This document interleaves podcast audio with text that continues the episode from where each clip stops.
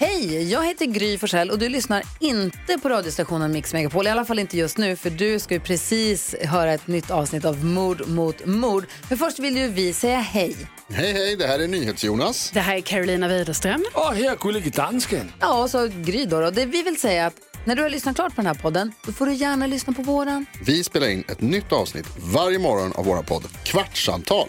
Och hela radioprogrammet blir ju också en podd om man är väldigt morgontrött eller så. Just det, om man missar morgonen ja. Men mest av allt så får du gärna lyssna på programmet i direktsändning varje morgon på Mix Megapol. Live varje morgon från klockan sex och då har vi med oss massor med vänner också. Thomas Bodström, Babben Larsson, Johan Pettersson, Christian Luuk.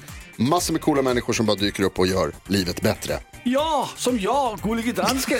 Exakt så. Och så mycket bra musik och annat skoj såklart. Så vi hörs när du vaknar på Mix Megapol. Radio play.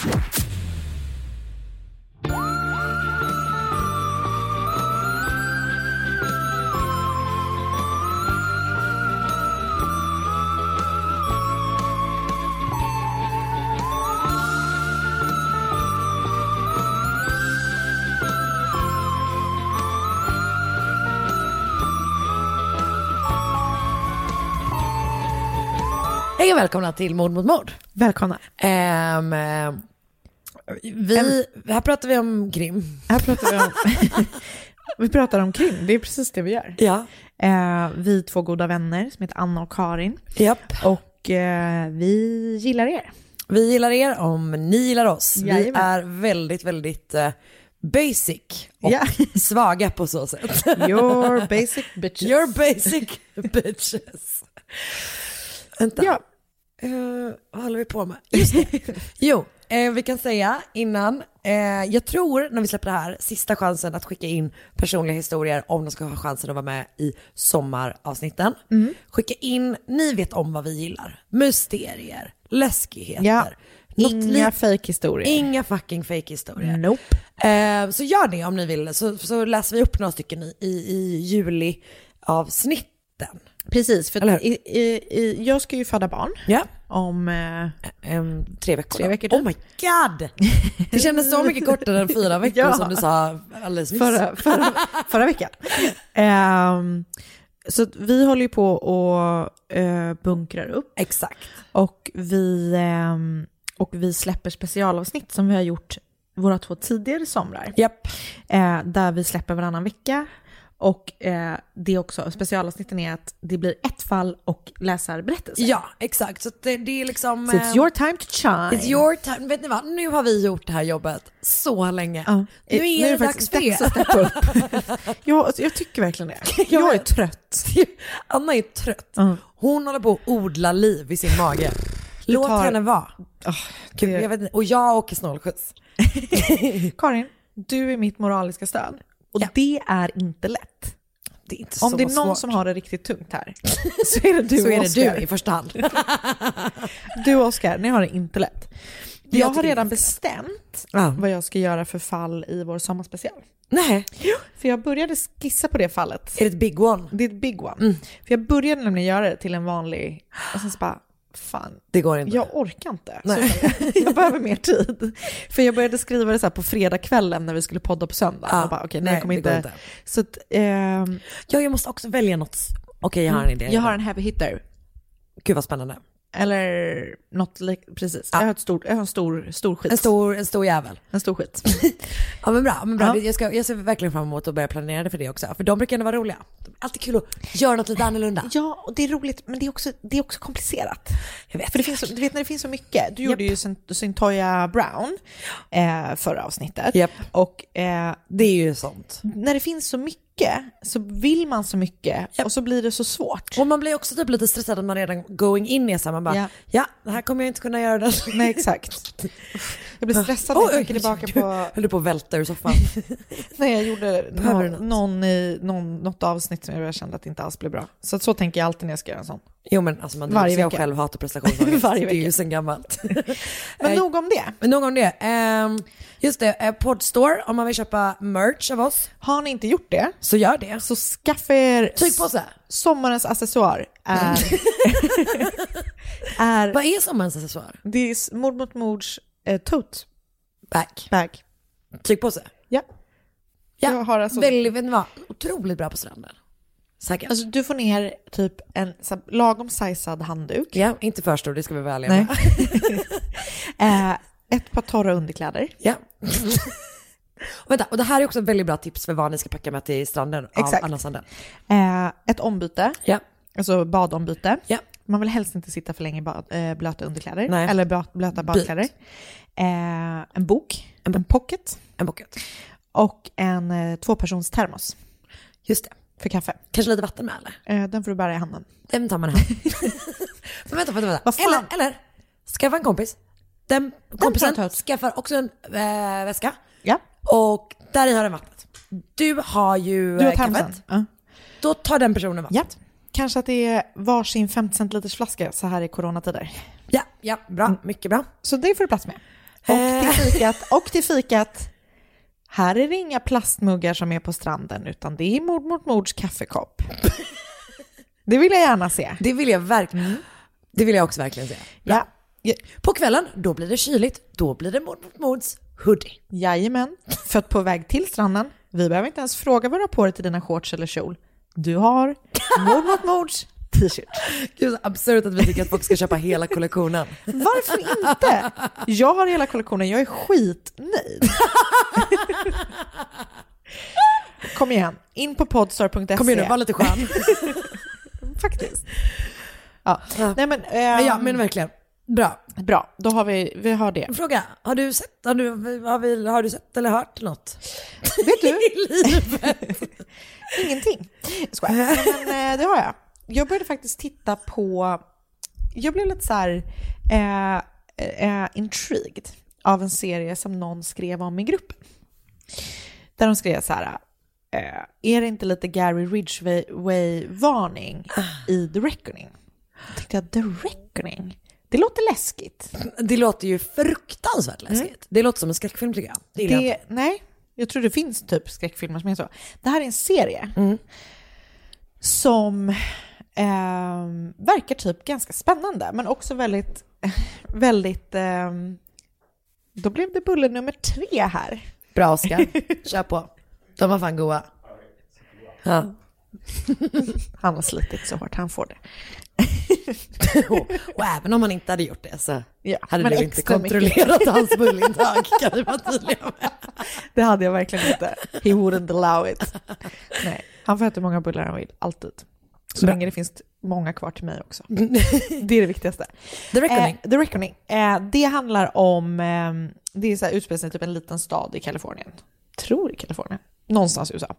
Ehm, och det är en eh, polis som har varit en mördare på spåren som heter Russian Ri- River Killer. Som skär bort så här, eh, offrens tatueringar typ, som han tar med sig som en liten... Eh, ja. Och så verkar det som att den personen har blivit aktiv igen. Och sen så liksom är det så här, ja. Det verkar ganska spännande. Det är han som är Shifter i True Blood som är Jag har inte med. sett True Blood. Jag är ju skit... Det är så sjukt Nej, men jag är ju jätte, jätterädd för vampyrer. Vampyrer är min största skräck. Jo men här är ju, alltså vampyrerna är ju typ, alltså snälla. Det spelar ingen roll. De dricker ju syntetiskt Åh fuck, det kanske jag ska titta om nu när jag är ledig här en månad innan barnet kommer. Kan man hoppa över de säsongerna som inte är bra? Jättebra. Då kanske du kan eh, berätta vilka de är en annan gång. En annan gång Ja. när jag kommer ihåg. Det är med, ja. Nej, jag är Ehm, för, jag är för för- alltså vampyrer är mitt, du vet, det var liksom när jag var liten. Jag har ju också kvar exakt samma psyke som jag hade när jag var liten. Man trodde ju att de svagt. fanns. Eh, ja, men också, jag var, det var min största skräck. Alltså du vet, det var mina värsta mardrömmar. Och, och, och oftast mardrömmar handlade om vampyrer. Men jag kan typ förstå lite vad du menar faktiskt, att det, det var riktigt läskigt när man var liten. Men i True Blood, du vet, alltså där är de sexiga, de är snygga. Men jag tycker att det är äckligt. Jag tycker att man ofta håller på att göra vampyrer lite knulliga. ja, det tycker jag är, faktiskt äckligt. deras grej. Jag det är tycker faktiskt det är äckligt. Men har man levt i 2000 år, Då är man ju inte sexig, då är man ju trött. jag, äh, jag har ju aldrig varit kär i Alexander Skarsgård. Nej. Förutom... True Blood. För då är han är det Eric Northman. He's one of the first Kul. Vikings. Alltså mina, mina ögon var på väg att rulla in i mitt huvud. He's one of the first Vikings ever. Nej, men okej, han... Det, Ja, men- men jag vet inte vad? vad han heter. Men jag du- tycker att du ska se om den. Ja. Och vara glad för det. Och då är han som är Shifter med i Just det, den i här den, serien. och det var där Ja, det vi var började. Ja. Just det, bra. det, det, tittar, det har jag tittat på. Ja, Du då? Det, jag vet inte. Jag vet inte. Jo, vet, du vad jag kollar på just nu? Nej. Jag som absolut inte har någonting med det här att göra. Perfekt, bra ämne Karin. Ja. Ehm, vi kollar på Lucas Moodyssons HBO-serie Gösta. Ah, inte sett. Som är en av de mest frustrerande serierna jag någonsin har sett. Okej. Alltså han är, eh, huvudkaraktären är en person som är en psykolog och som är så jävla snäll och god på alla sätt och vis och blir så jävla Alltså vet man blir, bara- om inte den serien slutar, men vi har typ några avsnitt kvar. Den behöver typ sluta med att han dödar alla för att jag ska känna typ att det alltså att jag behöver, jag behöver bli förlöst. Gud vad spännande. För det, men det som den gör med Men en som, rekommenderar du den? Ja gud ja, den är otrolig och den är jätte, alltså otroligt bra. Men fruktansvärd att kolla på. Men det som var roligt var att vi eh, började kolla på den för att Karl sa till Marcus, eh, Karl som, är, som Marcus poddar med eh, och är en av hans bästa vänner, sa till Marcus att eh, han bara, det, han är, huvudkaraktären är lite som du. det vill säga en jävla pushover. Så man, man känner typ så här, eftersom jag också är lite Pushover. En pushover, exakt. Så man känner typ som man bara, nu ska jag stå upp för mig själv. Det är bra Karin. Du vet att jag backar dig och står upp för dig. Ja det gör du faktiskt. Det har du faktiskt, det har du faktiskt sagt. Men det, det, det är så jävla, Men- man blir galen. Men den är alltså otroligt, otroligt bra. Men jag kul. tror att folk inte klarar av att kolla på den för att Nej, man blir stressad. Ja, fan. Vi har också tittat på eh, Hjälp vi har köpt en bondgård. Vad är det? Med Britta Zackari och Kalle Wahlgren. Har då alltså köpt en bondgård där de ska typ Ah. de renovera hjälp. själva.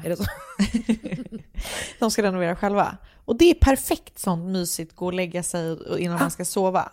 Så härligt. De är ju liksom lite, De är checka. de är checka. Ja. Men det är ändå mysigt. Bra. Och, och igår så födde Britta Zackari barn. Alltså inte, hon fick barnet i. Och då så kände jag att jag längtade Ah, på, vänta, på programmet som Ja. du såg igår? Ja. Okej. ja, precis. Ja, inte så. Ja, precis. Och då kände jag när vi tittade på det att jag längtade mycket efter mitt barn. Ja. Vårt barn. Vårt, Jag längtar också efter barn. ditt mitt barn. Ja. Okej. Ja, nej, så det var väl Äh. det om det. Men nu, eh, ja, nu kör vi. Nu kör vi. Ja. Ett poddtips från Podplay. I fallen jag aldrig glömmer djupdyker Hasse Aro i arbetet bakom några av Sveriges mest uppseendeväckande brottsutredningar. Går vi in med hemlig telefonavlyssning och, och då upplever vi att vi får en total förändring av hans beteende. Vad är det som händer nu? Vem är det som läcker? Och så säger han att jag är kriminell, jag har varit kriminell i hela mitt liv men att mörda ett barn, där går min gräns. Nya säsongen av Fallen jag aldrig glömmer på Podplay.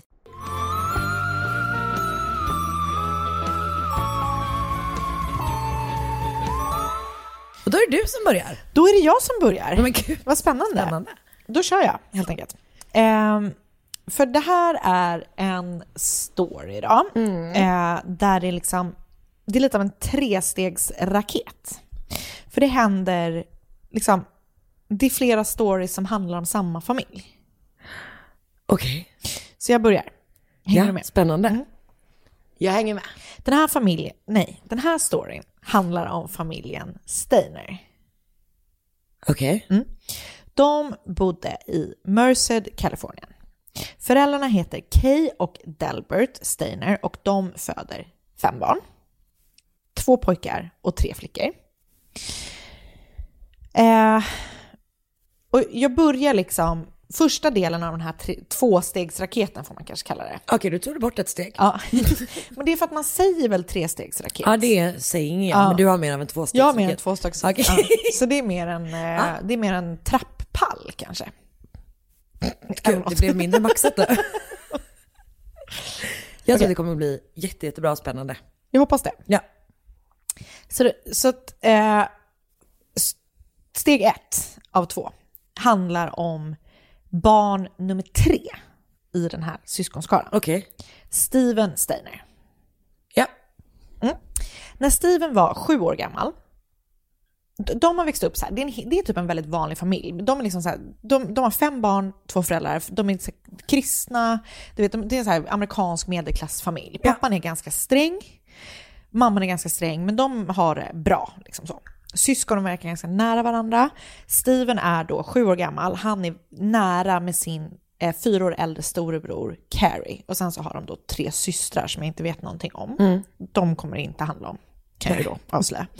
Ehm, och eh, Han är sju. han är sju år gammal. Det är 1972. Ja. Han är på väg hem från skolan. Det är den 4 december. Så är det en bil Nej. som stannar. Och, ehm, eller nej, han möter en man på gatan som har typ så här eh, pamfletter som är typ så här om, om hans kyrka. Och är typ så här, vi håller på med den här välgörenheten i min kyrka. Vill, vill, tror dina föräldrar skulle vara intresserade av att skänka pengar till den här kyrkan? Och då är det typ att han bara, Svårt att avgöra. men det kan jag väl tänka mig, vi bor bara här nere i det här kvarteret, typ jag kan gå ner och fråga dem. Och då är de typ bara så här, nej men vi har bil här borta precis, jag kan, jag, jag kan köra dig hem till dina föräldrar. Så han bara, okej. Så att den här mannen då, som heter, det är en man som heter Erwin Murphy, tar med sig Steven tillbaka till en, en vit Buick pickup truck. I den bilen sitter en annan man som heter, han presenterar sig som Reverend Parnell. Reverend Parnell eh, är egentligen en man som heter Kenneth Parnell, som inte är Reverend. Reverend. De har ingenting med kyrkan att göra, ingen av de här två. Kenneth Parnell är 41 år gammal. Han har redan som ung börjat åka in och ut ur fängelse för så olika petty crimes typ. Han har också varit in och ut på olika mental institutions. Ehm, vet, liksom, Inte för... vet inte varför. Eh, och eh, redan 1952, alltså 20 år tidigare, så har han gripits och dömts för att han har begått övergrepp på en ung pojke som han har lockat till sig genom att vara utklädd till polis. Nej. Han dömdes då till fyra år i fängelse för det övergreppet. Ett straff som han först rymde ifrån, men så lyckades de hämta hem honom till fängelset och så satt han av den tiden. Liksom. Ja. Ehm, En grej. Mm. Tror du att de hade tryckt upp pamfletter eller tror du att de hade stulit dem i en kyrka? stulit. Okej. Det var roligt tänker de bara, eh, du vet att de var tvungna att gå en sån Indesign-kurs först. och gå till ett vanligt, ett lokalt tryckeri. Jag tror inte att de är så, jag tror inte att de är så liksom acquired. Nej okej. Mm. Ehm, Kenneth hävdade själv då när han begick det övergreppet 1952 ehm, att eh, han begick det övergreppet för att hans fru at that time var gravid. Ja just det, just det. Så att han behövde få utlopp för sin sexualitet på något annat sätt. Så jävla vidrigt. Alltså, På 60-talet så åkte han fast för väpnat rån och satt några år i fängelse för det. Och eh, under tiden han satt av det straffet så lämnade hans an- andra fru honom. Så att han har ändå varit gift två gånger. Och har ett barn. ja. Eh, så det var lite bakgrund då om han Reverend som, Parnell. Precis, han som sitter i bilen. Erwin Murphy, är, som då lockade eh, Steven till bilen, är hans kollega. För att Kenneth jobbar i eh, Yosemite-parken, eller liksom National... Oh, wow. Eh, och där, jo- jag vet inte exakt vad han jobbar med, men han, det här är hans kollega och han verkar vara, ehm, eller han är liksom helt under Kennets makt typ. Så Kenneth har liksom typ lyckats övertala honom att så här, jag behöver typ en ung pojke och jag vill att du hjälper mig. Och han har på något sätt lyckats liksom få honom att så här, gå med på det. Så de får då syn på Steven som är på väg ensam hem. Och Erwin lockar honom in i bilen. Eh, när de väl sitter i bilen då, så är det typ att han bara, mitt hus är ju bara ner där, typ så här, kör mig dit så ska jag liksom fråga mamma och pappa om de kan tänka sig att sponsra er kyrka typ. Ehm, Fan vad störd man hade varit om ens unge kom hem med två stycken från Verkligen bara, kyrkan som man skulle ge nej. pengar. nej, vad, nej, nej, nej. Nej, Men jag, jag typ var ett sånt barn som hade typ kunnat gå fram till någon och vara så här, jag tror att min mamma, alltså vet att man så här ville typ ha kontakt med människor. Jag att min mamma Vill gärna vill ge dig pengar. Eller att man vill ha så uppmärksamhet. Typ så var jag när jag var liten. Så att Men så är det ju inte längre. jag köper den i alla fall inte längre. eh, eller? Ehm, ja, så de sitter då i bilen. Och så när de är så här, han bara, men hitåt ska vi ju inte. Alltså du vet, så han bara, nej men vi kör typ hitåt. Så, så, så jag har läst lite olika, men jag har valt det här spåret för jag tycker det är, jag tycker det är effektfullt. Eh, de stannar vid en telefonkiosk. Och så kliver Kenneth ur bilen. För han säger så jag ska ringa till din mamma och pappa bara. Så, så går han fram till telefonkiosken och kommer tillbaka och säger så här, ja men jag har pratat med dina föräldrar och det, de typ känner sig färdiga med dig liksom. De, eh, du kan hänga med oss typ så här. Så sjukt. Men så de kör i alla fall hem. Han bara, men det är lugnt, hemma hos mig finns det massa, typ, så här, jag har massa leksaker, du kommer typ få det bra hos mig. Så, här. så de kör hem till Kennets trailer. Typ. Ehm, så när de väl är hemma så är det typ att de bara så här, ja ah, men nu får du bo här. Typ. Och, och um, du, du, ja, du heter inte Steven längre, utan nu heter du Dennis Gregory Parnell. Och jag är din pappa typ. Ehm, Hela. Ja, det är så stört. Så han, liksom, Steven, numera Dennis, eh, bor då med Kenneth. De, och först bor de i någon trailer i Yosemite-parken, och sen, så- men de flyttar runt jättemycket. Dels för att Kenneth har typ massa olika jobb, men också för att så här, de vill väl typ inte liksom så här, settle down för mycket, eh, eftersom Steven är ju kidnappad. Det som är konstigt är att Kenneth låter liksom Steven gå i skolan. Och han låter honom leva så väldigt fritt, som om han är hans barn. Tyvärr så begår han då också övergrepp på honom på nätterna. Ehm, så att Steven så här, får gå i skolan och är som vilket vanligt dag, barn som helst på dagarna och sen så blir han då utsatt för så här hemska övergrepp på nätterna. Eh, Kenneth typ också så här dricker tillsammans med Steven. Alltså du Perfekt. vet att de sitter så här typ och krökar och röker ihop när han är så nio år gammal. Så jävla stört. Det som är lite så speciellt är att, eller som, Det, det var också lite speciellt. det var också lite speciellt. Ja. Det som är fascinerande kanske jag ska säga är att Steven är typ så här, han är helt så här cool typ med allting. Alltså vet, han är som vilket vanligt barn som helst. Han är så här superframåt. Det märks inte att han blir typ utsatt för så här hemska övergrepp hemma. Att han har blivit kidnappad från sin familj, så här bor med sin kidnappare och du vet sådär. Det måste vara totalt liksom, Han är- Stockholmssyndrom eller. Exakt. Det är Och helt någonting. avtrubbad. Typ. Ja.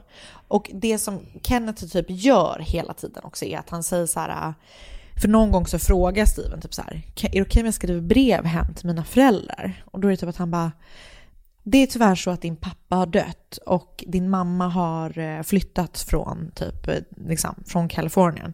Och jag vet inte, dina syskon har typ blivit utplacerade i så olika fosterhem. Så att, ja, alltså du hade jättegärna fått skriva brev.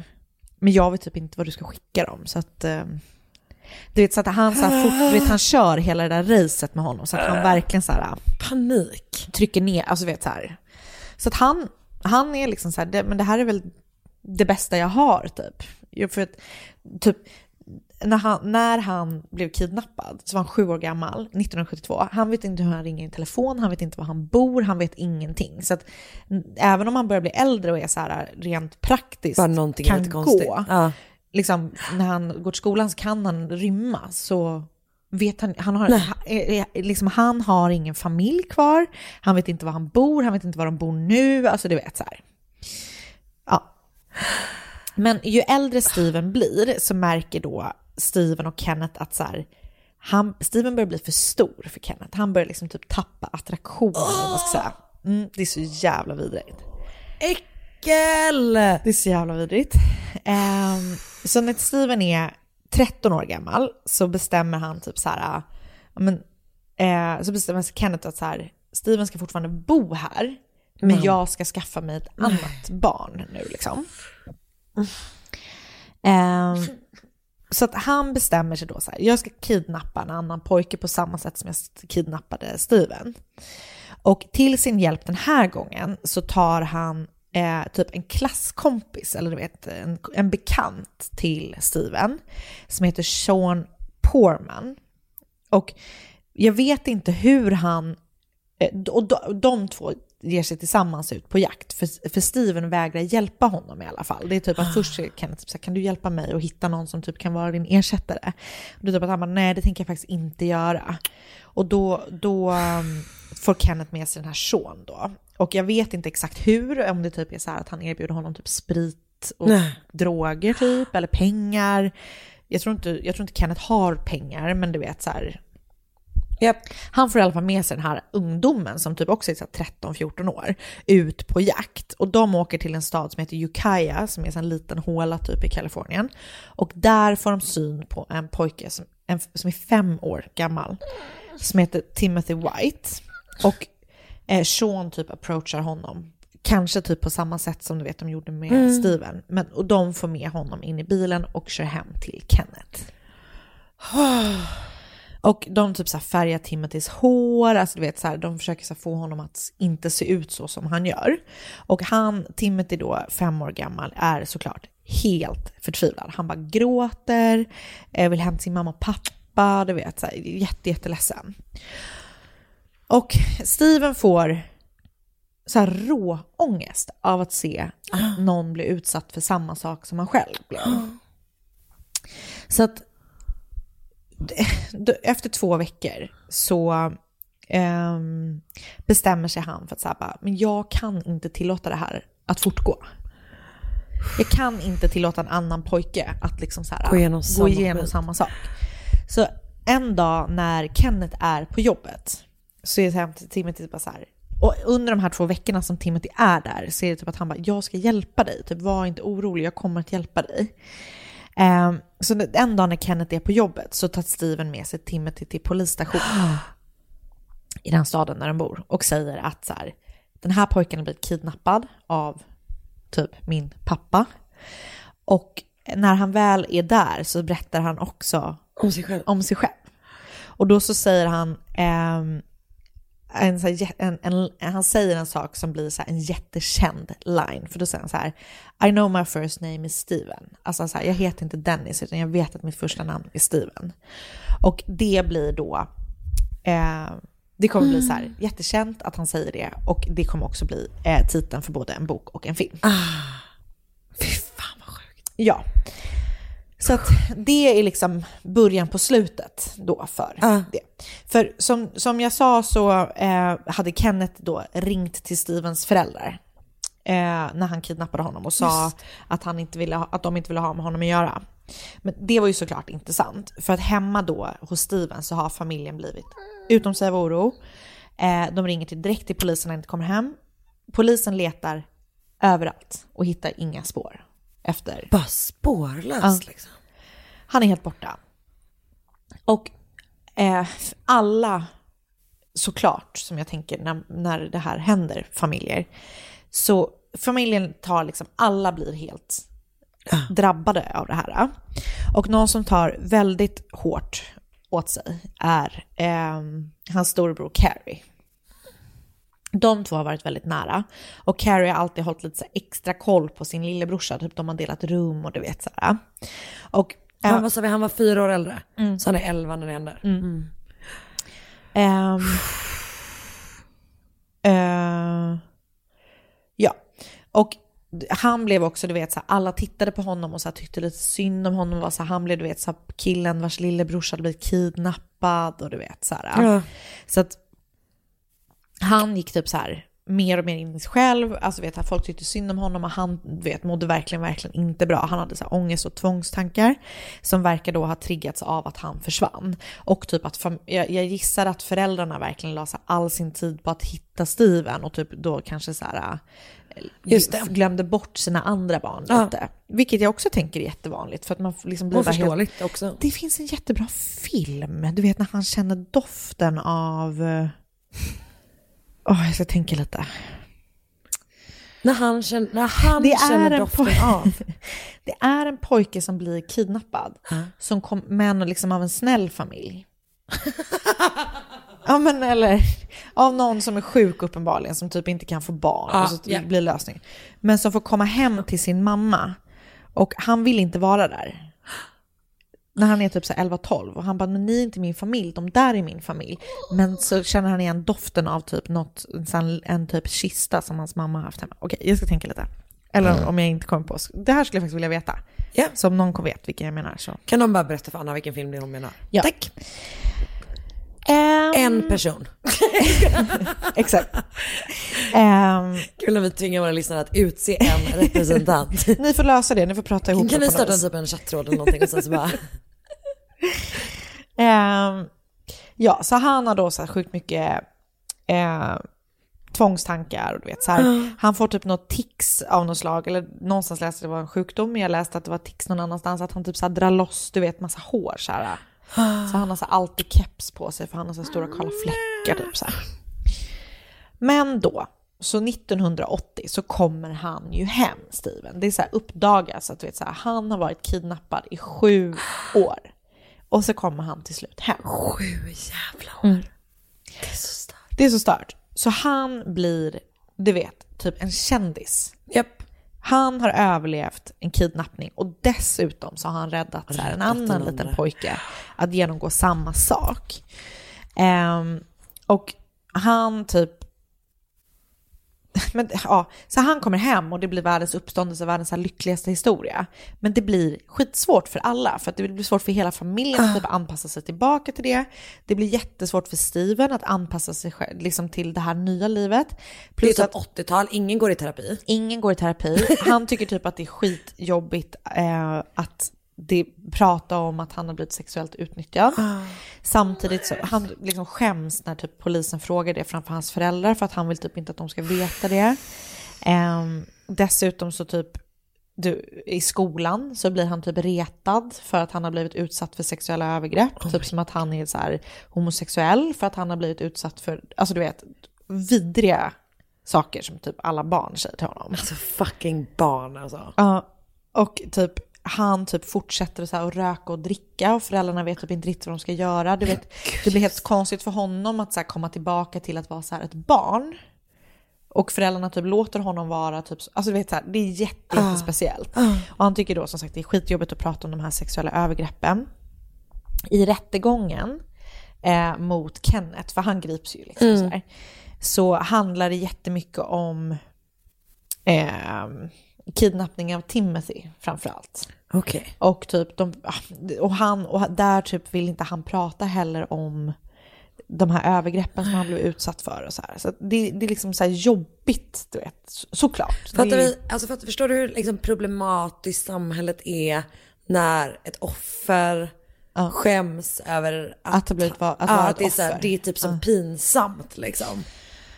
Jag vet, Åh, det är så jävla sorgligt. Ehm, men, men Kenneth grips, eller han har grips ju såklart, och så är det rättegång och sådär. Och det, den, den är ju också jätte, jättejobbig för Steven. Ehm, och det som är så sjukt är att han döms till sju års fängelse. Lika länge som han, Lika länge som, eh, han hade, som Steven sitter kidnappad. Och ehm, han, han sitter bara av fem av dem för han kommer ut för good behavior. Typ. perfekt. Eh, och vad exakt den här Kenneth gör när han kommer ut, det vet jag inte. Men han grips igen 2003. Då är Kenneth eh, 71 år gammal. Och då grips han för att han har försökt att få sin hemhjälp att köpa ett barn till honom. En fyraårig pojke. Och enligt Kenneth själv så var det för att han ville ha en familj. Eh, men det tror jag Kul, ju tänk att vara såklart inte på. honom. Alltså så jävla obehagligt. Eh, och efter det då, 2003, så döms han till 25 år till livstid. Baserat på den här three strike-regeln. För han har ju typ inte gjort någonting. Men ja. Han dog sen, 2008. Ja, bra.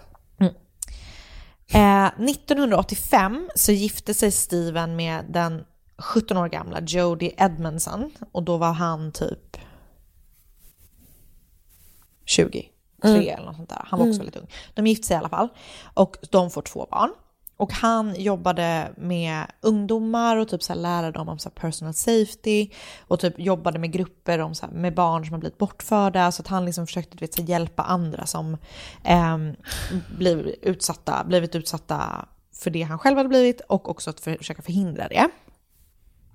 Tyvärr eh, så var han med i en motorcykelolycka 1989 och omkom. Oj! Mm. Men gud, han Typ måste 27 varit eh, ja. Ja. Hur gammal han nu var? 65? Åh, vad sorgligt. Ja. Han var väldigt ung i alla fall. Jättesorgligt. Det var steg ett Just det, i min På två, pallen. tvåstegspall. Okej. Kort efter att Steven hade omkommit så blev också barnens farbror eller morbror, eh, som Carrie var väldigt nära och bodde tillsammans med, eh, skjuten i deras gemensamma hem. Det sägs också att den här eh, morbrorn slash farbrorn hade utnyttjat Carrie sexuellt när han var liten. Perfekt. De här båda dödsfallen tog såklart jättehårt på Carrie. Han verkar liksom ha varit ganska så här shaky. Um, och han hade typ så här flera breakdowns efter de här, att båda de här personerna hade dött. Um, han, han ska ha sagt till en kompis i samband med det här då att han ville sätta sig i en lastbil, köra genom butiken där han jobbade, döda sin chef och alla han arbetade med och sen tända eld på hela stället. Och då var det typ att kompisen bara, du behöver typ verkligen hjälp. Ja. Kan du typ se till att skaffa det? Det gjorde han inte. Nej. Han försöker begå eh, självmord flera gånger och han verkar ha det liksom så allmänt tufft. 1997 grips han för innehav av marijuana och metamfetamin. Eh, och tyvärr så blir då det här inte hans, det verkar vara hans första, men det blir inte hans sista eh, möte med lagens långa arm. ja. Jag älskar när du pratar om lagens långa arm. det gör mig alltid glad. Jag tänker på, det finns någon film där det är någon, eh, jo nej det är vänner. Okej, det var, det, jag vet inte om jag ska dra en vänner-referens, men det är ganska kul ändå. Vad är det? Det är när Danny DeVito The lo- strippa. Just det, Long long arm of the law. Det är kul. Klassiskt avsnitt. Ehm, 1997, eh, alltså samma år som han greps då för innehav av droger, så fick han ett eh, jobb som hantverkare på ett motell i Yosemite National Park. Ja. Han typ älskade att vara ute i naturen och det hade de så gjort mycket liksom. Och även när de var små så var de ute och typ campade och sånt där. Ehm, han typ chillade omkring där, han älskade att hänga i naturreservatet, han ville typ bara få vara i fred. Han gillade att typ så sola naken, han ville röka gräs, alltså du vet, han ville bara mind his own business där. Men det var tyvärr inte allt han gjorde i parken. Åh nej, vad gjorde han i parken? En kväll i februari 1999 så checkade en mamma och hennes dotter och dotterns kompis in på Cedar Lodge. Det var Carol och Julie Sund och Julies kompis, eller typ en utbytesstudent tror jag att hon var, eh, Silvina Pelasso. Eh, de checkar in på motellet. De ska typ bo en natt tror jag. Eh, och då, det är väldigt lite folk på motellet. Eh, det verkar liksom vara kanske off-season, jag vet inte. Eh, och på kvällen när eh, de alla tre är på deras rum så knackar det på dörren. Och utanför står Carrie. Och Carrie säger att eh, det visat sig att det är en vattenläcka på rummet. Så att han behöver bara komma in och rätta till det. Efter den kvällen så är de här tre kvinnorna borta. Eh, det sätts igång en jättestor så här, sökins, liksom, sökinsats i parken. Och de förhör alla som jobbar på Cedar Lodge, du vet, så här, de jobbar jätte, jättemycket. Men, men Det är tvärstopp. det är tvärstopp. Man vet inte vad som har hänt. Det ser ut som att de typ har dragit. Liksom, Men det är ihop. inte massa grejer kvar i rummet så? De har så packat ihop och du vet. Eh, bilen är borta och du vet så. Ehm, men det dröjer typ en månad efter att de har försvunnit tills att man hittar Carols bil typ 13 mil bort från motellet. Bilen är då utbränd och i bakluckan så hittar man två kroppar. Och eh, man kan då säkerställa att det är Carol på så här, tandkort typ. Och man, först tänker man att det är Julie, men när hennes tandkort inte Matchar. matchar, så är det så här, okej men det måste vara Silvana. Men Julie är då borta. hon är inte där i bilen.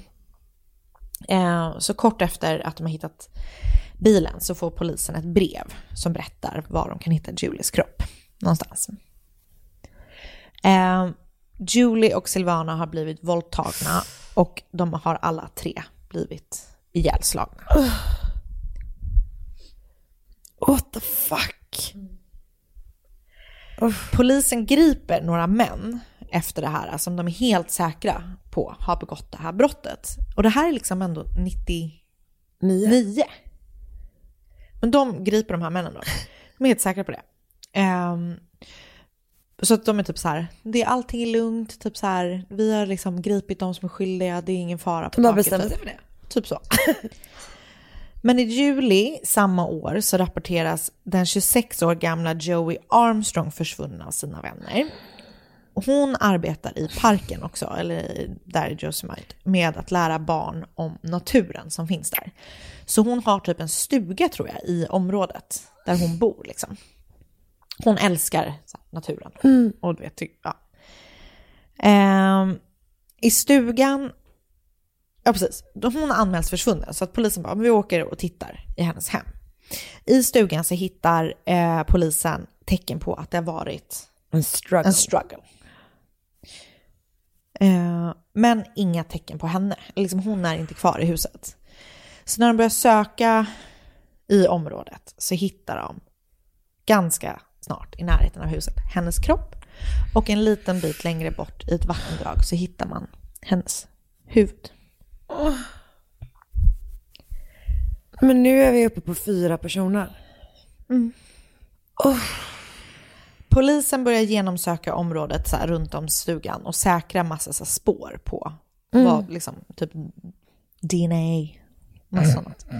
Eh, vittnen har också sett en bil i närheten av hennes hus i samma veva som typ så här, man såg henne sist. Typ. Det är Carrie Steiners bil. Och då är de så här, vi kanske ska prata med honom igen, typ, för han jobbar ändå här i parken, han kanske har sett någonting. Han, de har förhört honom. Just det, liksom- i samband med i första samband med vännen. första. Men han, liksom, de, han verkar inte vara suspekt. De, de tycker inte han är suspekt. Utan det är mer typ att så han kanske, du vet, han, Han jobbar i parken typ. Ehm, men, så ja precis, de ska åka och prata med honom. Han är inte kvar i parken däremot, Carrie. För att han har åkt till ett nudistläger. Min mardröm. Ja, så mycket min mardröm. Alltså paniken. Hatar att vara naken i grupp. Men gud, alltså. Jag är knappt naken, jag är knappt naken, Naken ensam. ensam. Jag är som Tobias Fjunke i Never knew. Never knew. Men det var också för att vi pratade om, vi, vi har pratat det senaste om ganska mycket om hur mycket vi hatar folk som pratar om sex. Ja, Och var gör det, det inte bara. vad var det vi pratade om igår? Just det, att, att vi inte fattar folk som, Som filmar som filmar sig själva. när de ligger för att man vill ju bara glömma efteråt. Du och jag Det kanske är ska gå- pinsamt. gå och gå i prata med någon. Men det är Det är pinsamt. pinsamt, jag håller med. Det är väldigt skönt att vi känner så likadant. Det roligaste var ändå när du sa så här, det var det värsta jag skulle berätta för folk att jag var gravid. för jag var tvungen att säga att det var som att jag, att jag var, att du var tvungen att, det var som att du var tvungen att säga att du hade gjort det. Exakt. Så ja, pinsamt. det är pinsamt. Åh gud. Framförallt typ på jobbet, att man bara nej, jag, Hallå, kommer jag. jag har gjort det där. Done the Done the dirty. To, vad heter det? To Pinsam. bästen med två ryggar. Eh, Liggande mambo.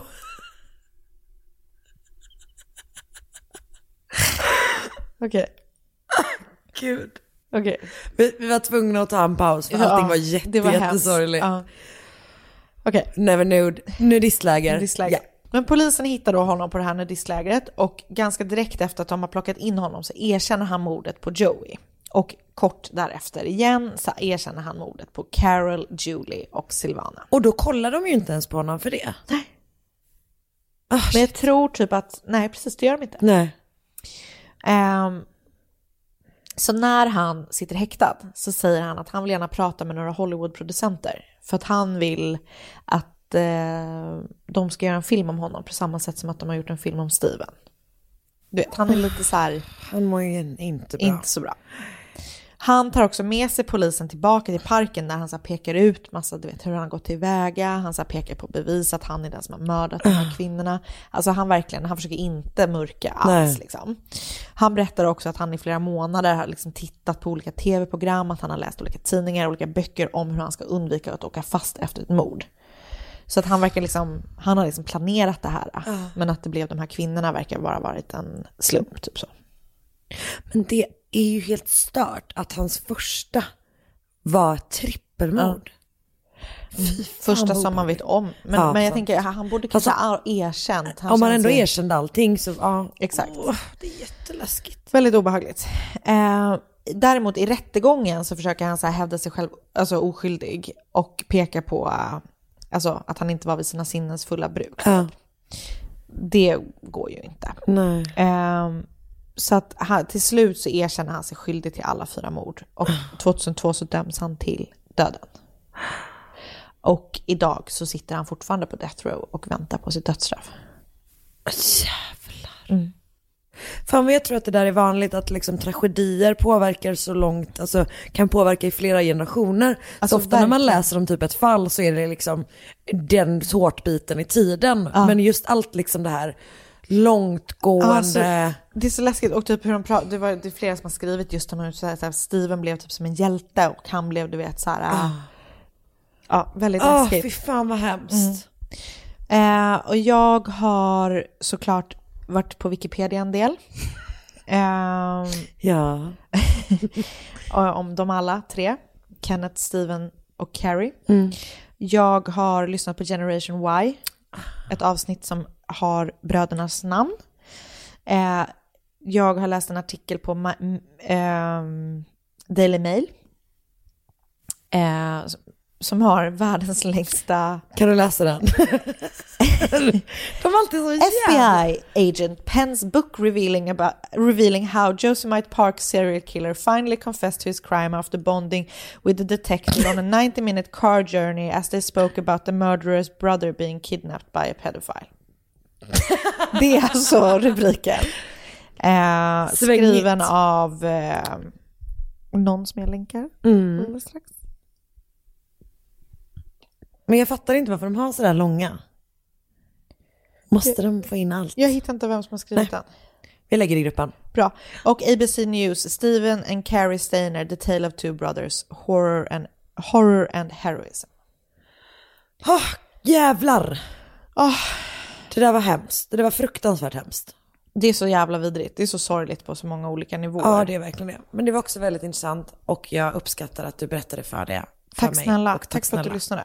Tack ska du Tack, ha. tack, tack. Ett poddtips från Podplay. I fallen jag aldrig glömmer djupdyker Hasse Aro i arbetet bakom några av Sveriges mest uppseendeväckande brottsutredningar. Går vi in med hemlig telefonavlyssning och, och då upplever vi att vi får en total förändring av hans beteende. Vad är det som händer nu? Vem är det som läcker?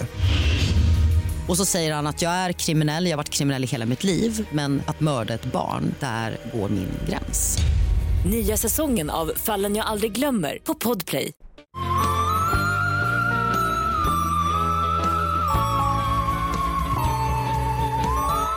Jag vet inte om det alltid har varit så eller om det är en följd av den här corona på grejen. Man kan i alla fall söka i Kungliga bibliotekets arkiv för dagstidningar. Bara liksom så, helt gratis och tillgängligt. Det tror jag man kan. Eh, ja, man kan det i alla fall. Jag har gjort det. Ja. Eh, jo, jag vet inte om det brukar vara så. Man kan ju i alla fall gå till Ja men biblioteket exakt, jag vet om att man, kan, men- eh, att man kan dra dit. Bland annat så har, vi, har jag eh, idag, eh, nej igår visat en bild på, eh, för Marcus hur det såg ut när jag var utklädd till Doris på Lilla Jönssonligans eh, premiär som åttaåring. Gulligt, det skulle jag vilja se också. Ja det kan du få se. ja, eh, så att jag har ju liksom gjort det. Ja, eh, om det här fallet i alla fall. Och för det, jag tycker alltid att det är något spännande när man får läsa en tidning från tiden. Ja. Sådär. Så att det här är då första gången det här mordoffret eh, omnämns. Okej. Och hon omnämns i Söderhamns tidning. Som, och den 22 november 1922 så publicerar de den här notisen. Det är en TT-notis. Ett mystiskt dödsfall. En 24-årig dam skär sig till döds vid ett fall till golvet. En 24-årig fröken Vilma Ringström ä, anträffades på tisdagskvällen död i sin bostad vid Maria gränd blödande ur ett stort sår i halsen. Hennes fästman som befann sig i rummet och tillkallat polis uppger att hon har fallit omkull och därvid skurit sig i halsen med en kniv. Nej. Polisen har igångsatt undersökning. Spännande va? Väldigt. Eh. Väldigt tidsenligt. Ja, exakt. Du, det blir mer sånt. eh, Okej, om jag räknat rätt så föddes Vilma Ringström i januari 1899. Så att hon är liksom en ung under en tid när det händer väldigt mycket. Eh, alltså när det, det händer väldigt mycket för, i liksom kvinnorollen Ja. typ. Hon är ung liksom precis när det är så här, hon, när man typ kan rösta första gången och liksom typ ja, får lite, lite mer frihet typ. Eh, Spännande tid. Ja men verkligen. Så att jag vet tyvärr ingenting typ alls om hennes uppväxt. Nej. Det har varit jättesvårt att hitta. Eh, jag vet att hon antingen är född i eller åtminstone flyttat till Stockholm som ganska ung liksom. Eh, hon, jag har inte läst någonting om hennes mamma, men jag har däremot läst om en moster som hon är väldigt nära som återkommer och jag vet också om att hon har en pappa som jag tror heter Robert. Eh, och det är liksom det jag vet om hennes familj. 1918 så träffar Vilma Ernst Johansson. Två år senare, den 19 december 1920, förlovar de sig. Och jag vet att det är just den dagen eftersom jag också hittade deras förlovningsannons. Gulligt. Var det bild? Eh, nej. Nej. det var väldigt, den var väldigt, eh, det var diskret. Mm. Ehm, och den är i DN. Ja. Vilma jobbar som kontorist hos en grosshandlare Henriksson i Gamla stan. Ja. Och hon har typ jobbat där i flera år. Och Ernst är typograf på Svenska Dagbladet och de flyttar ihop i Ernst villa i Älvsjö. Och där bor också Ernsts hund Björn. Gud vad gulligt. Jag vill säga en sak bara. Det känns som att eh, Älvsjö låg jättelångt bort då, för då fanns det väl ingen pendeltåg? Nej, jag vet inte vart Älvsjö ligger men jag vet inte vart Nässjö ligger. Älvsjömässan. Ja, jo men jag har inte varit där. Okej. Jag är inte på mässa så ofta. Nej, det är jag. Nej. Okej, eh, ja, man kan tycka att det här låter gulligt. Mysigt, sådär. Men de har ett klassiskt stormigt förhållande. Det här är jag som gör Air quotes. kaninöron. I'm sorry. Gud många vännerreferenser kommer det här eh, avsnittet ha. Eh, ja. Och på vilket sätt det är det beror förstås på vem man frågar. Och Ernst får det liksom att framstå som att Vilma typ var helt, alltså helt irrationell och tokig. Hon typ slänger porslin, hon kastar någon cykel, hon typ sparkar mot Björn, Okej. säger han. Ehm, Inte min hund. Nej, så speciellt. Ehm, och, han, och typ att han inte verkar, han förstår, det bara kommer out of the blue. Han hade ingen, alltså vet, Nej, han har inte gjort alls. någonting. Nej, Nej. exakt. Och grejen är att hon kanske också blev, var en person som blev arg på ett väldigt liksom, ohälsosamt och utagerande sätt. Det vet vi inte, eftersom hon dör. Och han kommer ha liksom, det huvudsakliga narrativet. Ehm, men han, som sagt, han beskriver det som att han aldrig gör någonting. Nej, typ. Att han bara helt plötsligt bara brusar hon upp. Ja men för hon, är, hon eh, lider av hysteri. Exakt, exakt. Det säger dock hennes moster uttryckligen sen i rättegången. att hon inte gör. Nej, bra, bra, bra, bra. Ehm, nej men exakt så, att det liksom är så här att han bara, "Nej, du vet hon kunde ju bara brusa upp. Man bara, du hade säkert gjort någon skit. Ja, Så let me tell you, verkligen. det är alltid någon som har gjort någon skit när man brusar upp. Ja, exakt. Ehm, det finns också andra som är utomstående som inte är han som också beskriver henne som, alltså som att hon hade liksom eldigt humör. Okej. Typ. Men Vilma har i alla fall en jobbarkompis som heter Jenny hos grosshandlare Henriksson. De har jobbat tillsammans i sex år. Ehm, typ liksom vid, runt där 1920, 1922 typ. Och så hon har ju fått höra ett och annat om Ernst och Vilmas relation. Tror du hon är lite trött på att höra om Jajamän. det? Antagligen. Ehm, och Vilma berättar då för henne att Ernst är väldigt svartsjuk. Och att de, hon säger typ att så här, ja, men vi bråkar väldigt mycket och han är väldigt svartsjuk typ. Och eh, Jenny beskriver det som så här, att liksom Vilma hade verkligen ett humör, men hon brusade aldrig upp utan anledning. Nej. Bra, Bra. för det kan man ju ta. Ja, gud ja. Alltså den beskrivningen menar jag. Japp. Eh, och till Jag, slut... jag, jag relaterar till den. Ja, Jag har ett jävla humör, men när jag brusar upp, då är det av en anledning. Men är den anledningen alltid rimlig? Jajamän. det kan du Det skriva kan du upp. Skriva upp. Menar du att du inte tycker det? Jo, alltid. Karin? Åh nej, hon är hysterisk igen.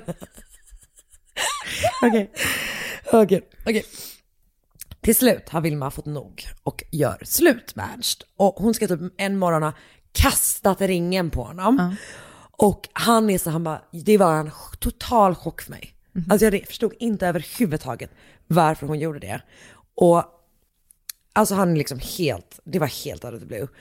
Men Vilmas moster säger senare att Ernst har varit våldsam mot Vilma samma dag. Och jag vet inte om det rör sig om misshandel eller om det rör sig om våldtäkt.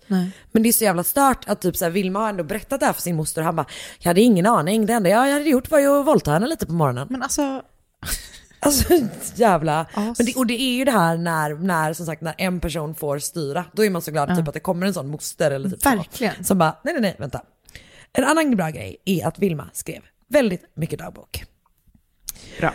Och i oktober 1922 så flyttar hon då in i sin egen lägenhet i stan på Mariagränd 4 på Söder, mm. Malmö, Stockholm.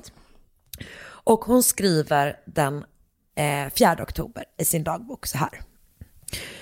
Jag har brutit min förlovning och tänker börja om på nytt. Får se hur det går. Kanske kan jag dra en vinst eller må hända ännu en nit från livets tombola. Jag känner ingen direkt saknad och jag tycker det är underligt. Här har jag i tre år gått och drömt om ett eget litet hem och samliv med en man som vid närmare eftertanke inte alls fanns för mig och sedan när slutet kommer som sedan när slutet kommer som om ingenting varit. Hon är typ fascinerad över att hon verkligen inte är typ ledsen.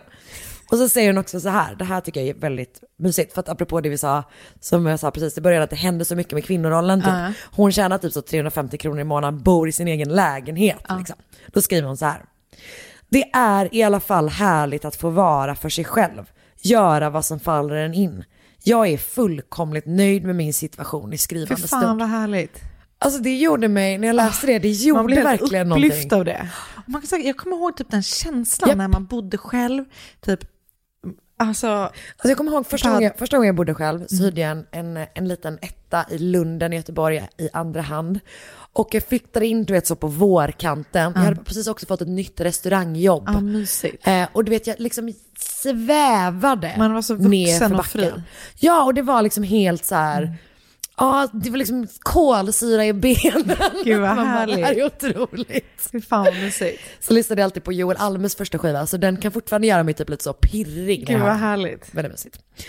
Ehm, ja, problemet är Hon får inte fortsätta vara det. för Ernst är, håller fucking på kan man säga. Han försöker liksom övertala henne att de ska bli ihop igen. Och han får till och med med sig Vilmas moster på typ lite så övertalningsförsök. Hon bara, men du kanske ändå ska gå tillbaka till honom typ. Han hotar förstås med att ta sitt eget liv om inte hon gör det. Vilket är, varför är det typ så många go-to? Alltså det är, det är fan det Det är elakaste så jävla man kan göra. ont för att, för att man, för man vet att ingen människa ska, skulle vilja ha det på sitt samvete. Nej nej nej, exakt. Det är så Och alltså, det, får, det är ju inte den personens fel. Utan, Absolut inte. Men, Men, det är verkligen det- enormt elakt alltså. fan. Ehm, och eh, nu ska jag säga, han säger också vid något tillfälle typ att, så här, att han också, att han bara, jag kommer avsluta mitt liv och ditt liv typ. Och han har vid något tillfälle med sig en pistol till hennes jobb och ehm, Vilma säger också till Jenny typ några veckor innan den här kvällen som vi började med att läsa om att, att eh, så här, om någon, då läser hon om ett annat fall där typ en eh, kvinna blivit mördad av sin partner. och hon bara så här, om någonting händer mig så vet du vad det är som hänt typ. Hon skriver också i sin dagbok att Ernst har kommit och berättat att han har skjutit Björn. Jag vet inte om det är sant. Men du vet som någon slags, också något så jävla sjukt sätt att typ såra henne.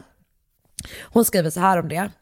Ernst har varit här, han har dödat Björn. Björn, åh, det är så jag kan bli tokig.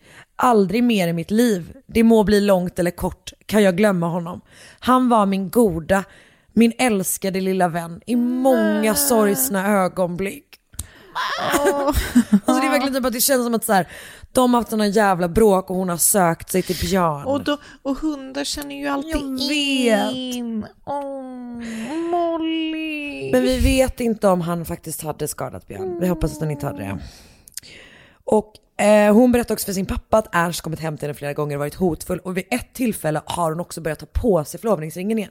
Ah, okay. För att hon är rädd liksom. Fy. Ehm, men du vet det finns andra som under den här perioden säger att Ernst liksom är helt normal, han verkar inte ta hårt på det här breakupet eller någonting. Men vi vet ju också om att det finns gott om exempel där det utåt sett är liksom man spelar typ cool, men gentemot i, liksom, i sin relation eller i sin ex-relation eller whatever så är man helt fucking jävla vidrig Ja. liksom. Um, Okej, så tisdagen den 22 november är, eh, går Vilma hem från jobbet i, på, Sö- eller på i Gamla stan och går då till Mariagränd och stannar i en grönsaksaffär på vägen. Hon går hem, hon äter middag och vid åtta på kvällen så pratar hon med sin moster i telefon och så sätter hon sig ner och skriver typ någonting. Och vid halv tio så knackar Ernst på hemma hos Vilma. Vad som händer sen är lite oklart. Eftersom Ernst har liksom, han berättar ganska många olika historier, han ändrar sin historia eftersom. Men det vi vet är att strax innan klockan 10 så ringer telefonen hemma hos Vilmas moster igen. Men det är ingen i luren. nej. Och mostern tror att eh, Vilma har försökt ringa henne men har kollapsat liksom vid telefonen typ. Sen är det då, alltså som sagt strax efter tio typ så larmar då eh, Ernst polisen som kommer till lägenheten. Och där ser polisen Vilma ligga på mage i en stor blodpöl. Och de försöker typ, polisen försöker stoppa blödningen med typ en halsduk tror jag. Eh, hon blöder alltså från halsen. Eh, medan de väntar då på att liksom, ambulansen ska komma dit. Eh, på sjukhuset så konstaterar man att det finns ingenting att göra, utan Vilma har förblött liksom. Och hon har ett 3-5 centimeter brett sår i halsen. Som är liksom ett sticksår, verkar vara orsakat av en kniv. Vad fan? Och Ernst har då liksom följt med till sjukhuset och personalen där tycker typ att han är, alltså han är konstigt liksom likgiltig, tycker de. Han är liksom så här, han är liksom, liksom mer lite så stissig på ett annat sätt som att han typ vankar fram och tillbaka liksom. Och en polis reagerar också på att så här, att eh, han frågar om han vill åka med Vilmas, när Vilma väl är död, så frågar han om han vill åka med hennes kropp i ambulansen till bårhuset och han bara nej det tycker jag känns obehagligt typ. Och då är det typ att polisen svarar något så här jättegulligt typ som är så här, eh, bara, men den man har kär kan man följa överallt typ. Att han tycker att det är jätte, han reagerar på att han inte vill det liksom. Och redan direkt säger han då att Vilma har råkat sticka sig själv med kniven. Ja, det låter ju troligt Ja, faktiskt. verkligen. Eh, så att han säger då att han, att han har kommit hem till henne för att hämta ett eh, passfoto. Eftersom nu har ju de gjort slut, så då får ju inte hon Okej, ha kvar det. okej. Vilket också bara det är enormt Lame. störigt. Ja. Verkligen. Låt henne bränna upp på gården ska vi se. Ehm, så han ändå sen sagt vad han, vad, han, vad han, vad som hände sen flera gånger. Han säger typ vid något tillfälle att hon, hon liksom grät och var ganska så mycket väldigt känslosam när han kom. Eh, en annan gång säger han att hon är helt obrydd, att hon bara typ sitter kvar och skriver sitt brev tills hon plötsligt ställer sig upp, går och hämtar en kniv, sätter den mot halsen, halkar och råkar sticka sig själv. Alltså, det var den sämsta storyn. Jag vet, den är verkligen brutalt dålig. Eh, vid något annat tillfälle så säger han att hon, alltså att han inte ser när hon sticker sig i halsen för att hon gör det ute i tamburen där han inte är. Eller om du vet, det är någon sån grej. Men sen säger han vid ett annat tillfälle att hon har stått på en, en stol och liksom hoppat ner, alltså du vet, det finns Alltså vad fan? Ja, och sen så säger han också då att, så här, att hon har gjort så här, du vet, att hon har hotat med Kom att inte ta sitt- närmre. Nej men typ så här, ah, jag kommer ta mitt liv om Exakt. inte du tar tillbaka mig. Aha, okej. Eh, och gjort, att hon har gjort så här stickrörelser mot sin hals, för det låter ju superrimligt, med en kniv. Och att hon då har liksom stuckit sig själv då. Mm. Eh, och som sagt att han menar liksom att hon gör det här för att han, hon vill så himla gärna ha tillbaka honom. Såklart. Han tar helt enkelt sin egen, det han har gjort mot henne och är så här, ah, nej men du känner ju den här jävla galna, galna kvinnan. Alltså, fy fan Hon eh, hotar ju alltid att ta sitt liv och typ döda min hund. Man bara, mm, absolut. Ehm, Man kan konstatera att Vilma har haft sex relativt kort in på sin död. Och när polisen förhör liksom de som har jobbat den kvällen på sjukhuset så finns det en sjuksköterska som vittnar om att hon, när de har dragit upp Vilmas tröja för att de ska väl lyssna på hjärtat eller vad de ska göra, så har hennes trosor varit sönderrivna. Ah. Och det liksom inte, verkar inte vara, men det, det, det, jag vet ingenting mer om det liksom. Men hon, vitt, hon säger i alla fall det i förhör, att hon har sett det Läskigt. liksom.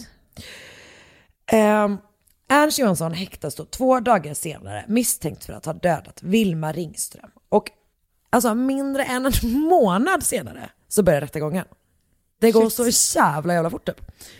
Eh, och i den då så vittnar en rättsläkare om att Vilmas sår kommit snett uppifrån. Och säger typ rakt ut att han bara, det är typ omöjligt. Liksom. Ehm, och han menar väl att, eller åklagaren menar att Ernst ska då ha huggit Vilma med kniven, att han, men att han inte planerat mordet och han har liksom ångrat sig efteråt, det är därför han har kallat på polisen och sådär. Eh, så åklagaren yrkar på att eh, han ska dömas för misshandel med berått mord, med, med berått mord, som berått, med mord måste det vara, jag vet inte. Men gud. Jag vet inte ens vad jag ska säga. Nej, inte jag heller. Misshandel med berått mord som, men utan att avsikt att döda. Berott? Jag vet inte ens vad det är för Men ord. fan, skitsamma, nu går vi vidare. Jag vet inte ens vad det är för ord. Det var det där med IQ. men, men du kände mycket med mig och ville stötta mig eftersom Ja. du har så enormt högt EQ. Exakt så. Eh, Okej. Ernst försvar eh, bygger bland annat på att ingen har hört något alls. Och typ, det ser inte ut som att det varit en fight i lägenheten. Eh, och de menar att om han, om han hade huggit henne i halsen så borde hon ha skrikit. Och i Aftonbladet den 16 december står det bland annat så här. Det här är ju hans försvarsadvokat som säger tror jag. Ett vålds, våldförande förutsätter ett aktivt motstånd. I varje fall en reaktion som tar sig uttryck i ett utrop. Ett utrop av fasa eller smärta. Något sådant har dock icke förnummits av de närboende. Som dock kunnat iaktta till och med ett stönande. Och möblerna i rummet befinner sig efter tilldragelsen i orubbat skick. Så att de är liksom så här, det finns ingenting som tyder på att Nej. det har varit en fight eller typ att hon har skrikit. Och det, de säger också rakt ut vid ett tillfälle att typ så här, framför allt en kvinna skriker när hon blir knivhuggen. Jag skulle skrika jättemycket om jag blev knivhuggen. Jag, fast, hade man, Fast om det går fort, kanske inte. men det som jag tänker, måste, hon måste ju ha blött ut långsamt. Usch. Det är så jävla hemskt tycker jag. Att han har varit där, att han inte har liksom... För han har tydligen inte gjort någonting för att försöka stoppa blödningen liksom. Han säger att det är för att han typ inte fattar hur illa det Nej. var. Typ. Okej. ehm, han säger, de säger vid något tillfälle att hon har typ suttit på huk vid skafferiet och typ så här råkat hugga sig själv. Alltså du vet det är liksom jätte, jättemärkligt typ. Han säger då att, han säger också att han, an- anledningen till att han har blod på sin jacka är för att han har hjälpt ambulanspersonalen att bära hennes kropp. Ambulanspersonalen bara, det gjorde han inte alls det. Och rättsläkaren menar typ att det sättet som han har blod på sin jacka är för att det kommer från, att, alltså kommer från såret liksom. Ehm, men som sagt, han målar ändå upp det här narrativet, liksom att så här, Vilma är typ en hysterika, hon var rasande, det var slut, hotade ta livet av sig så här. Och därför är ju typ vittnen som här, Jenny och även när mostern blir typ superviktiga. Ehm, de visar liksom en helt annan bild och även dagboken visar ju en annan bild. Ja. Liksom. Ehm, men Man grejen kanske är ska att börja skriva dagbok. jag vet, jag känner också det. Men grejen är att alltså, när, de säger, när, han- när de konfronterar honom med det här, bara, hon har skrivit så här i sin dagbok, han bara, ja hon ljuger i sin dagbok. Ja. Man bara, vänta, vem är det mest likely ljuger här? är det du som sitter åklagare för mord? Eller hon som har ljugit sin dagbok? Okej. Den 22 december, alltså bara en månad efter på dagen, så kommer domen. Mm. Okej. Mm. Okej, jag kan inte ens förstå vad det står här. Jag har, har alltså domen här. Men den är på väldigt märklig svenska. Man kan tänka sig det som jurist-svenska på 20-talet. Exakt. um, men det, som, det de kommer fram till är att man inte har kunnat bevisa att Nej. hon har dött av en brottslig, liksom, en, en, en brottslig akt. Att det, inte var, eh, att det inte var en eh, olyckshändelse. Nej. Så han rakt av frias. Och det överklagas inte. Och tre år senare så flyttar han till USA. Du skojar. Och lever liksom ett helt liv, blir medborgare i USA. Fy fan vad provocerande. Han lyckades med försvaret, hon föll på kniven typ. Alltså det är så stört. Det är så jävla stört. Det är verkligen enormt konstigt. Vilma ligger i alla fall begravd på Skogskyrkogården och i Aftonbladet den 3 december 1922 så står det så här om hennes begravning. Jordfästningen för, förrättade, förrättades av pastor Erik Bergman i Hedvig Eleonora. En mängd människor mötte på kyrkogården och en rik och vacker blomsterig gärd följde fröken Ringström i graven. Väldigt fin kyrka hon hade begravning i. Ja men, ja, men jag tycker det, jag vet inte, det kändes himla starkt. Usch vad typ man- ja, sorgligt. Fan jävla asshole. Jag vet, och just det här känslan av att hon bara var så glad att på själv och var såhär, japp nu fucking kör Ja. vi typ. Och sen bara, nej det gör vi inte. Hon var helt fri liksom. Ja. Att starta sitt liv på riktigt. Ja. Och så bara stoppar han henne. Jävla as. Jag har i alla fall läst en artikel som är publicerad i Aftonbladet och Mord och Mysterier, vilket kanske är deras liksom, true crime-magasin, jag vet inte.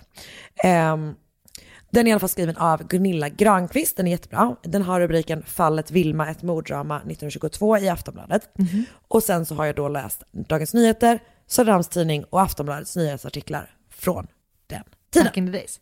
Tack snälla. Det var väldigt... Eh, Det är väldigt, väldigt sorgligt. det är väldigt frustrerande. Ja men det är så jävla sjukt att han lyckades komma undan med det försvaret. Men alltså, förlåt, men det var ju männens tid. Det är det fortfarande. Det är det. det var det verkligen då. Även om man kände vingarna, vindslag, vingslagen av Nej men alltså kvinnor- verkligen, det där är ändå hundra år sedan. Och så frustrerad som man är dagligen för att man lever i ett patriarkat nu. Fan inte lätt att vara kvinna alltså. Nej, spaning. Jag, tror, jag vet inte om någon har sagt det för men jag sticker ut hakan Du lite. kanske borde... Jag sticker ut hakan lite. Ja, men det det är inte helt lätt att vara kvinna. Alltså. Det är inte alltid helt lätt. Nej. Eh, men det är ju för att man är så hysterisk hela tiden med. Alltså grejen är man bara Och kunde, så PMS. om man bara kunde chilla ner lite, lite. Ta ner ett hack. Ja. Eh, Okej.